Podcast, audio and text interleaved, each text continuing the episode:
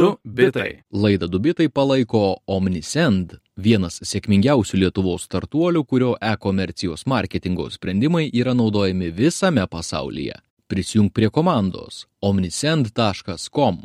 Sveiki, radio žinių klausytojai, čia laida Du bitai, kurioje kaip ir kiekvieną savaitę apžvelgsime svarbiausias technologijų naujienas, o šiandien galioja ypatinga nuolaida už trijų naujienų kainą gausite kokias dešimt. Aš esu Jonas Lekevičius, šalia manęs Lukas Keraitis. Labas, Jonai, pasakai radio, pasakai radio žinių. Radio. Viskas žinių radio. Seniai, seniai darėm įžangą. Taip, tikrai, naujienų turime labai daug. Buvo dėkinga savaitė, tiek naujienų yra, kad net nespėjom susitikrinti, ką užsirašėm. Ne, jokas jokiais, tikrai labai daug įvairių sričių ir nieko nelaukdami papasakosim. Reiškia, daug grosiu su savo šitu kokoso įrenginiu, kuris atskiria naujieną vieną nuo kitos. Pradėsim apie Google Gemini e, modelį ir apie tai, kaip Google šiek tiek padarė tokį paslydimą. Tai prieš kelias savaitės Google pervadino savo Bard asistentą į Gemini ir išleido jo tokią advanced versiją su naujais modeliais. Su tuo taip pat atsirado galimybė pirmą kartą Google mokėti už jų premium dirbtinio intelekto modelius. 20 eurų mėnesiui galima išbandyti. Tiesa, kol kas yra akcija ir nemokamai galima išbandyti. Um, ir kartu su tuo net išleido naują savo tokį modelį, uh, padidintų taip vadinamų konteksto langų. Tai galima sakyti, jisai turi žymiai didesnę tokią darbinę atmintį. Uh, Google sako, net turi milijoną žetonų, kas praktiškai yra 2000 puslapių knyga, ką tu gali taip įkelti dirbtiniam intelektui kaip informacija, kuria jisai gali remtis.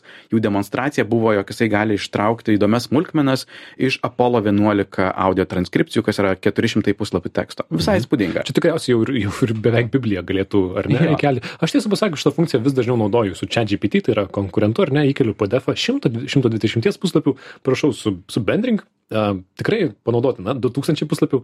Wow. Šiaip Wow. taip, Gemini yra konkurentas ChatGPT dar tiem, kas, kas pamiršo. Mhm.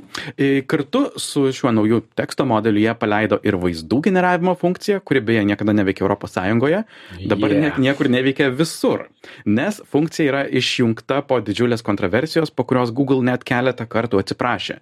Tiek kaip kompanija šią, šį rytą atsiprašė ir vadovas Sundar Pichai e, bendrai kompanijos e, kontekste dėl to, ką jie prigeneravo.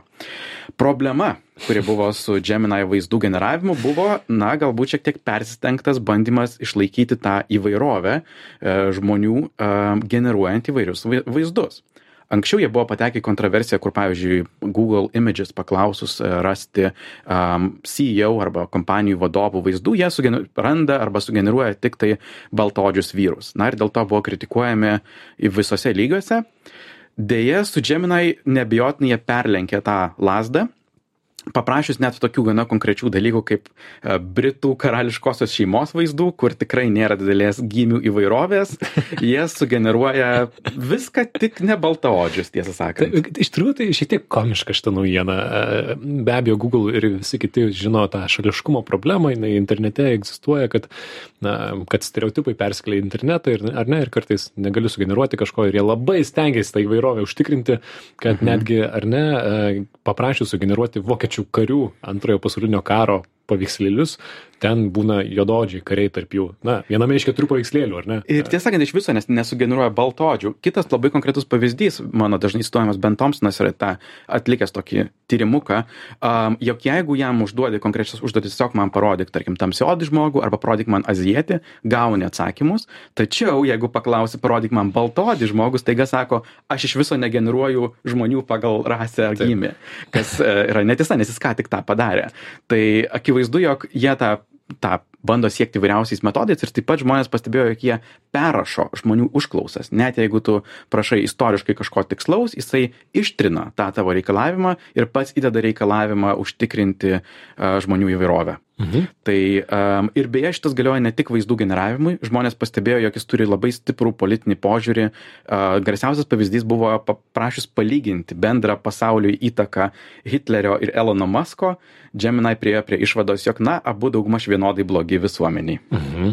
Žodžiu, trumpai tariant, Google su savo Gemini modeliu buvusiu bardu šiek tiek persistengė, būdami politkorektiški, ar ne? Bet šią akimirką sustabdė vaizdų generavimą ir tą klaidą taiso. Kas na didelės labai žalos neįvyko ar ne kažkas pageneravo šiek tiek pakikeno internetas šiek tiek gal kažkas kažkur galėjo ir įsižeisti bet Ir labai gerai, kad iškėlė tą klausimą. Dabar mes žinome, kur yra vėlgi kita ta riba, kurios e, geriau e, nepereit, nes suprantame, jog jeigu mes norime, jog dirbtinio intelekto modeliai būtų praktiškai naudingi, jie turi atspindėti tikrovę ir realybę. Taip.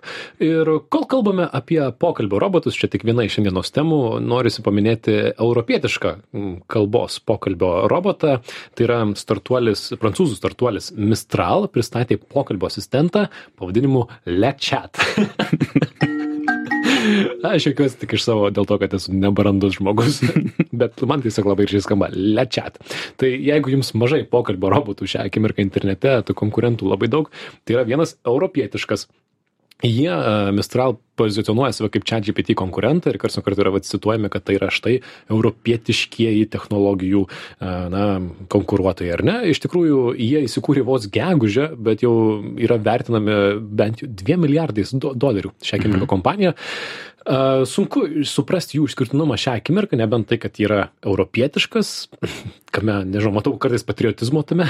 Na ir ilgą, ilgą laiką jie buvo patys kiečiausi atvirų modelių kuriejai. Mm, gerai. nes jie buvo išleidę, maros, 8x7 milijardų parametrų tokį labai inovatyvų modelį um, ir jie tikrai buvo labai mėgstami dėl to, jog tą savo visus tyrimus ir modelius paleidžia uh, viešai. A, teisingai, teisingai. Ir su uh, šitą LeChat, beje, ir kita naujų produktų Le Platforme, tai yra programuotojams skirta tokia prieimu, uh, jie taip pat paleido ir du naujus modelius. Uh, Mistral Large, kuris yra pasak jų uh, geresnis net už Gemini Ultra ir Mistral Small, kuris būtų labai greitas. Bet jie yra pirmą kartą jau neatviri modeliai. Mhm. Ir panašu, jog galbūt jie net iš viso nebeleis atvirų modelių ir tampa dar vienais tokiais pačiais Taip kaip pat. kiti. Kad jie dar vieni, bet to pačiu le, nelė geresni. Ir aš tiesą pasakius, le išbandžiau šitą le modelį. E, ir galiu pasakyti, jeigu kažkam įdomu ir jeigu jūs kaip ir aš mėgstate testuoti, kartais duoti tą pačią užduotį tiek Bardui, tiek ChatGPT, tiek dar kitiems, tai taip pat ir Lečatui daviau porą užduočių. Problema pirmiausia, jis negali googlinti, jis nėra, negali rasti informacijos internete. Antra, lietuviškai jisai kalba prastai, kas yra nusivylimas. Europietiškas mhm. modelis, galvojau, gal lietuviškai bent gerai. Ne, ir net viešai kalba, kad jisai palaiko tik tai septynias kalbas, tai turbūt neverta to tikėtis. Mhm. Tai tiesiog galiu trumpai paminėti, kad, pavyzdžiui, norėjau padaryti testą ir galvoju, mes kalbam apie tos pokalbių robotus, patikrinti, kuris geresnis. Keturiems uždaviau tą patį klausimą. Kas šiuo metu kandidatuoja į Lietuvos prezidento postą? Lygiai taip skambėjo mano klausimas. Gemini Google atsakė, negaliu jums padėti, nes esu tik kalbos modelis ir neturiu gebėjimų tai suprasti ir į tai atsakyti. Kodėl jis negali į tai atsakyti? Gali būti, jog jie taip smarkiai dabar apriboja Gemini atsakymus, jog jis e, prieina prie nenaudingumo net. Keista, Laikinai spėjau. Atrodo, galvoju, kad su to susiduros. Lečat, kurį ką tik minėjau, jisai atsakė, išsamiau kad jūsų klausimas yra apie dabartinę situaciją ir norite žinoti kas šiuo metu kandidatuoja į lietuvos prezidento postą tačiau aš nežinau pakeitimų metu ir dabartinių kandidatų sąrašo kad gauti tolesnius atsakymus žodžiu žodžiu žodžiu e, negaliu jums padėti ir negaliu atsakyti Prancūzai neseka šitų naujienų. Neseka e, Lietuvos politikos naujienų. Tuomet paklausiau Copiloto, e, kuris anksčiau vadinosi Kitaip. Bing. Bing, ar ne? Taip. Nu, kas, jie vis dar yra integruoti su ChatGPT, tarp kitko, ar ne? Bet įdomu, kad ChatGPT ir Copilotas atsakė skirtingus atsakymus. Copilotas atsakė neblogai. Respublikos prezidento rinkimai vyks gegužės 12 dieną. Šiuo metu kandidatuoja šie asmenys ir išvardino septynis. ChatGPT iš tikrųjų atsakė puikiai, geriausiai vis dar pasakė šį tuo metu vyks kan, e, rinkimai kandidatuoja šie asmenys keturiolika kandidatų išvardino ir dar paminėjo kad šie kandidatai turi surinkti dvidešimt tūkstančių gyventojų parašų. O. tai chatgpt vis dar pirmoje vietoje. Kai bus geresnis pokalbio robotas subtilu subjektyvi nuomonė šią akimirką kiek testuoju kiek mhm. bandau vis dar tas pats. Nors mielai norėčiau pamatyti didesnę konkurenciją. Tikrai taip. Galima iš prancūzijos keliauti dar piečiau į ispaniją į barseloną Barcelona. Naujienas iš Mobile World Congress. Jau mus būtų Google už, užblokavęs už mūsų jokimuosius iš užsienietiškų žodžių. Wow. Tai uh, toje minėtoje Barcelonoje vyksta Mobile World Congressas tokia vieta, kuri panaši į CES konferenciją, kur įvairios te kompanijos pristato savo naujus telefonus ir kitus mobilius prietaisus. Mobilus tai, pasaulio kongresas. Švertus. Uh, tenai daug visokiausių linksmų nesąmonių ir aš pagrindai išrinkau galbūt tai, apie ką daugiausia žmonės kalba. Tai OnePlus pristatė savo antrąjį laikrodį, kuris uh, turbūt įdomiausia yra naujiena, jog jis turi dvi operacinės sistemas tam, jog optimizuoti baterijos veikimą ir veiktų net keturias dienas su vienu pakrovimu, tai visai neblogai. Hmm. Samsung daugiau šiek tiek prieš, pašnekėjo apie jų prieš kelis mėnesius uh, tokį uh, užuominas mestas į Galaxy žiedą, Galaxy Ring, uh, parodė žurnalistams ir labai panašu, jog tai jis bus tiesiog uh, kažkas panašaus kaip Aura Ring, kuris tiesiog seka miego kokybę ir žingsnius, bet taip pat išėjo gandai, jog ir Apple dirba prie žiedo, tad galbūt čia bus tokia nauja kategorija naujų prietaisų ateityje. Mhm. Turiu vieną bičiulį, kuris nešioja išmanų žiedą, gana naujovė, man atrodo, daugeliui E, berods tai gal ir yra aura žiedas netgi, tai sakė, kad iš tiesų seka tą miego kokybę, žingsnius ir panašiai, bet na, po kelių mėnesių naudojimo e, pasikalbėjom, kad sako, o, o ką man su tuo daryti, kiek tų sekimų ir taip daug yra. Na, bet uh, galima atlikti mokėjimus kai kuriais išmaniais žiedais, kas yra labai, man atrodo, kieta, prikišiu pirštą ir sumokė už kebabą. Visiškai taip.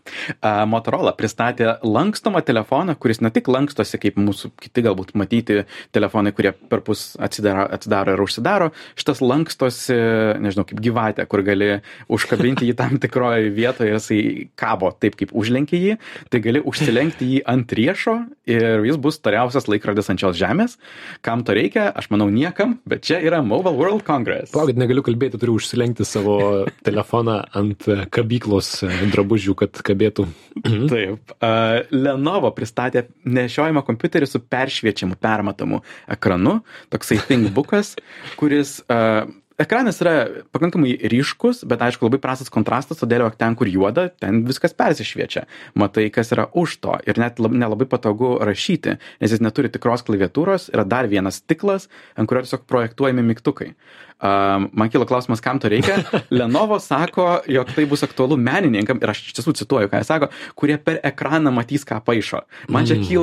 Klaustukų, kokiame pasaulyje jie gyvena, kur taip menininkai dirba. Jie nežino to seno gero būdo uždėti lapą ar ne ant, ant stiklo ir sus, nutrinti su tuo visų daiktų. Pamiršau, antroje klasėje jau dariau. Bet, kalkė. Kalkė, teisingai, su kalkė.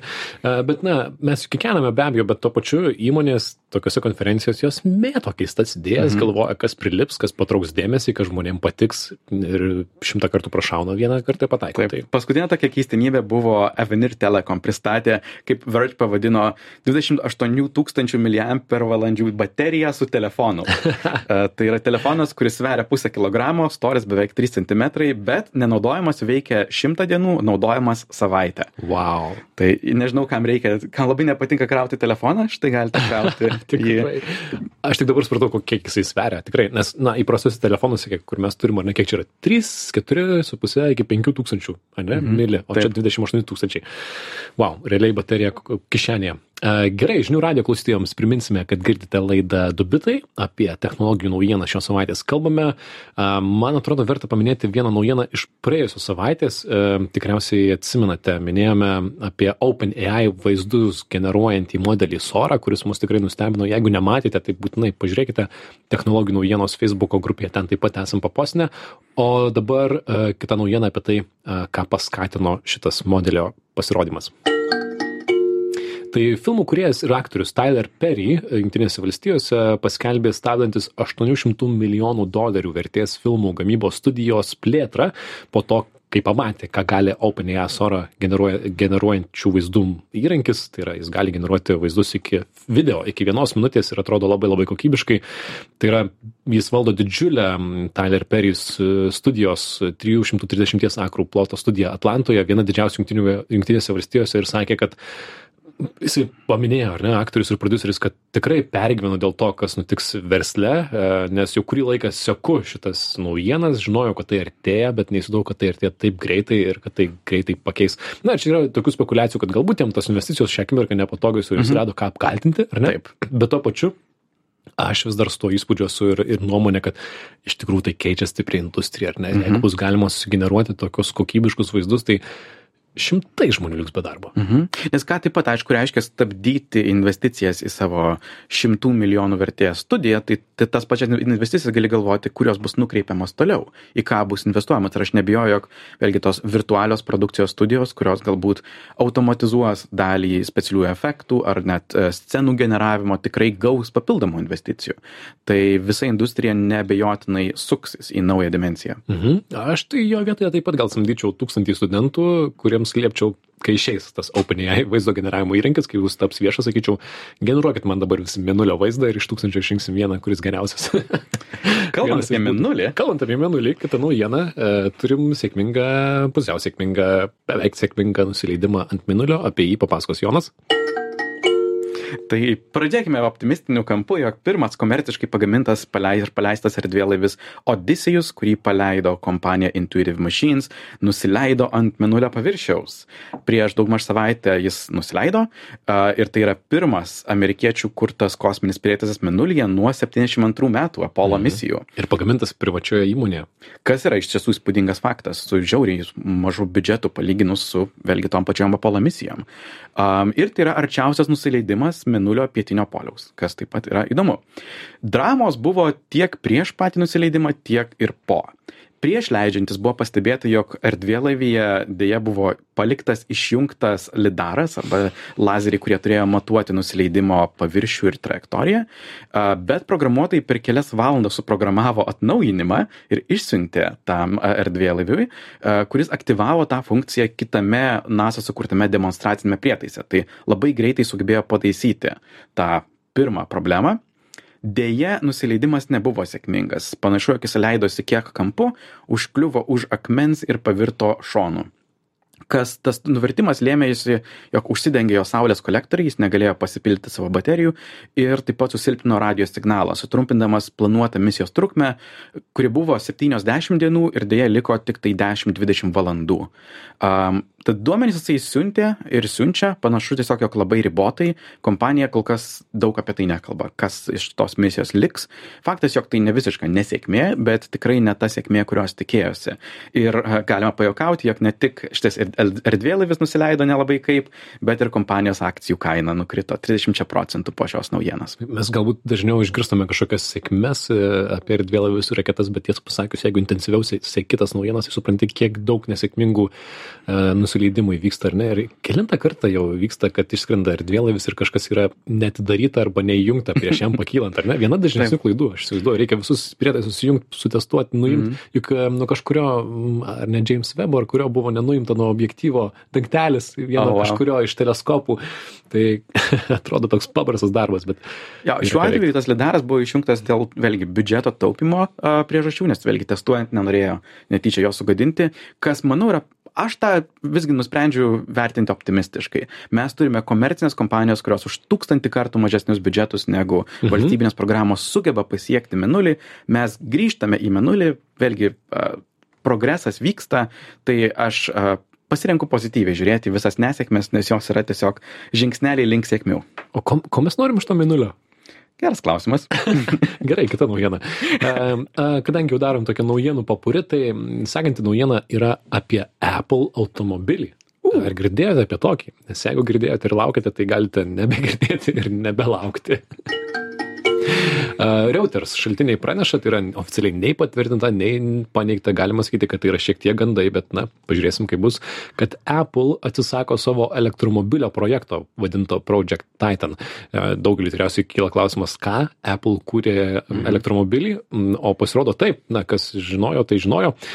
Iš karto pranešta, kad dalis komandos perės prie kuriančio dirbtinio intelekto projektų ir šį, šį Apple automobilio projektą buvo, jis buvo vystomas 10 metų A, ir buvo jau prieš kurį laiką gandų, kad nuo nuo labai autonomiško automobilio turėjo lūkesčius gal ten be, be vairo jį padaryti, be pedalo, jisai savarankiškai važiuotų, jau buvo lūkesčiai sumažinti į kažką gerokai paprastesnio.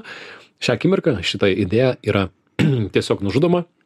Įdomu, ką pasakytų Apple e, viduje esantys žmonės, kurie prie to dirbo. Man įdomu, kokia jų nuotaika, ar jie tikėjo, kad tai kažkas keičiančio kažką, ar jie patys suprato, kad tai seniai, na, nei, nei, nei šis, nei tas Apple tai daryti. Gaila, mums tai būtų buvę įdomu pamatyti. Aišku, bet to internetas dabar labai gražių memų paleidžia ir pavyzdėlių, kur dėja nepamatysime Apple oro gaiviklio už 399 dolerius.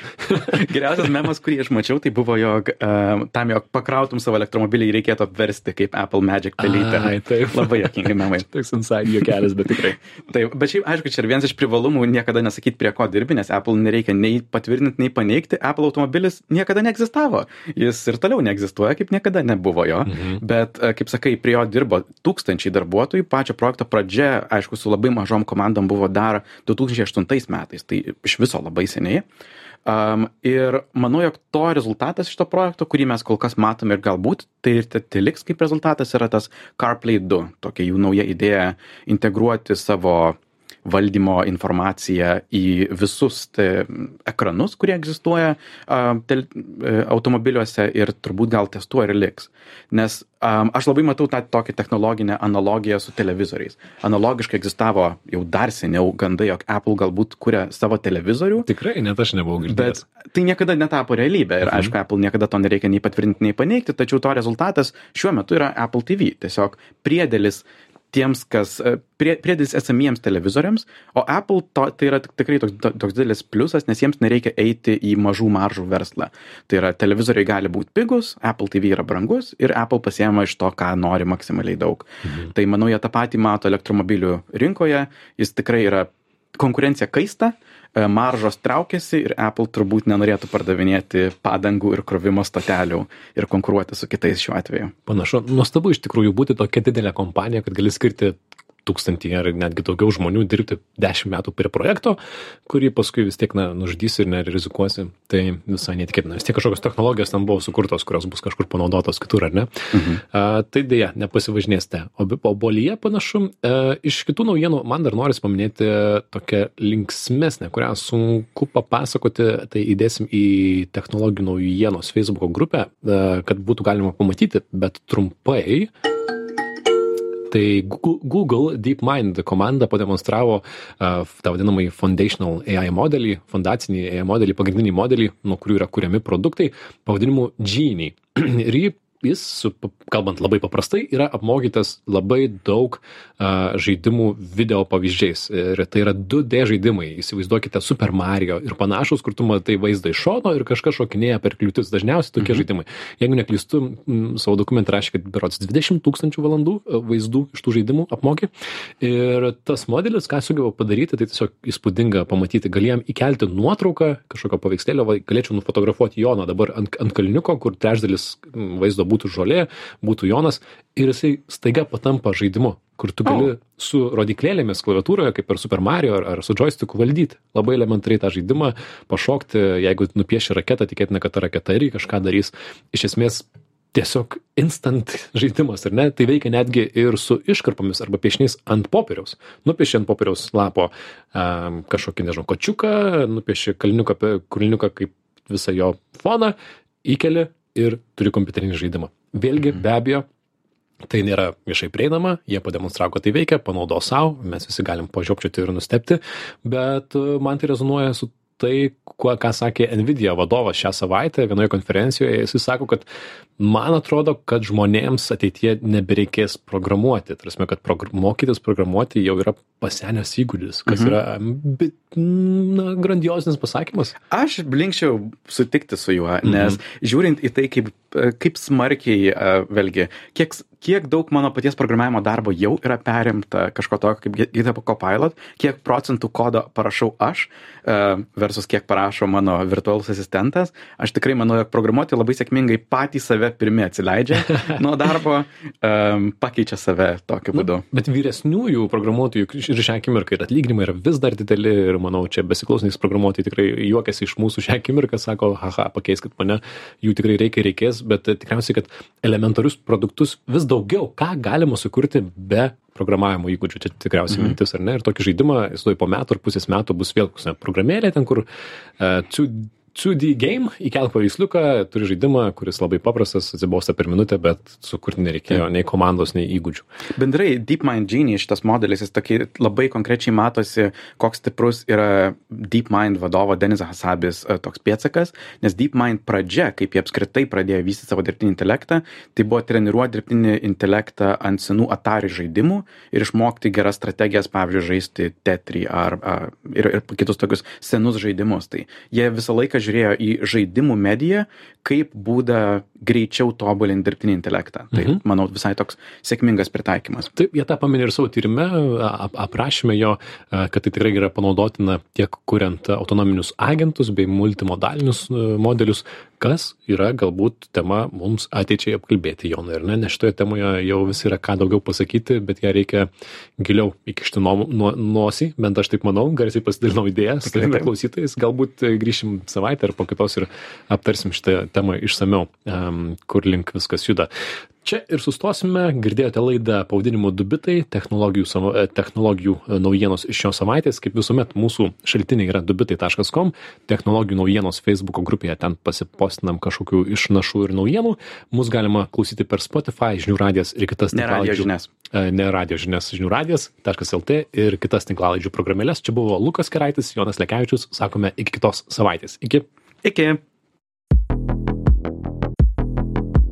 du bitai Laidą Dubitai palaiko Omnisend, vienas sėkmingiausių Lietuvos startuolių, kurio e-komercijos marketingo sprendimai yra naudojami visame pasaulyje. Prisijung prie komandos omnisend.com.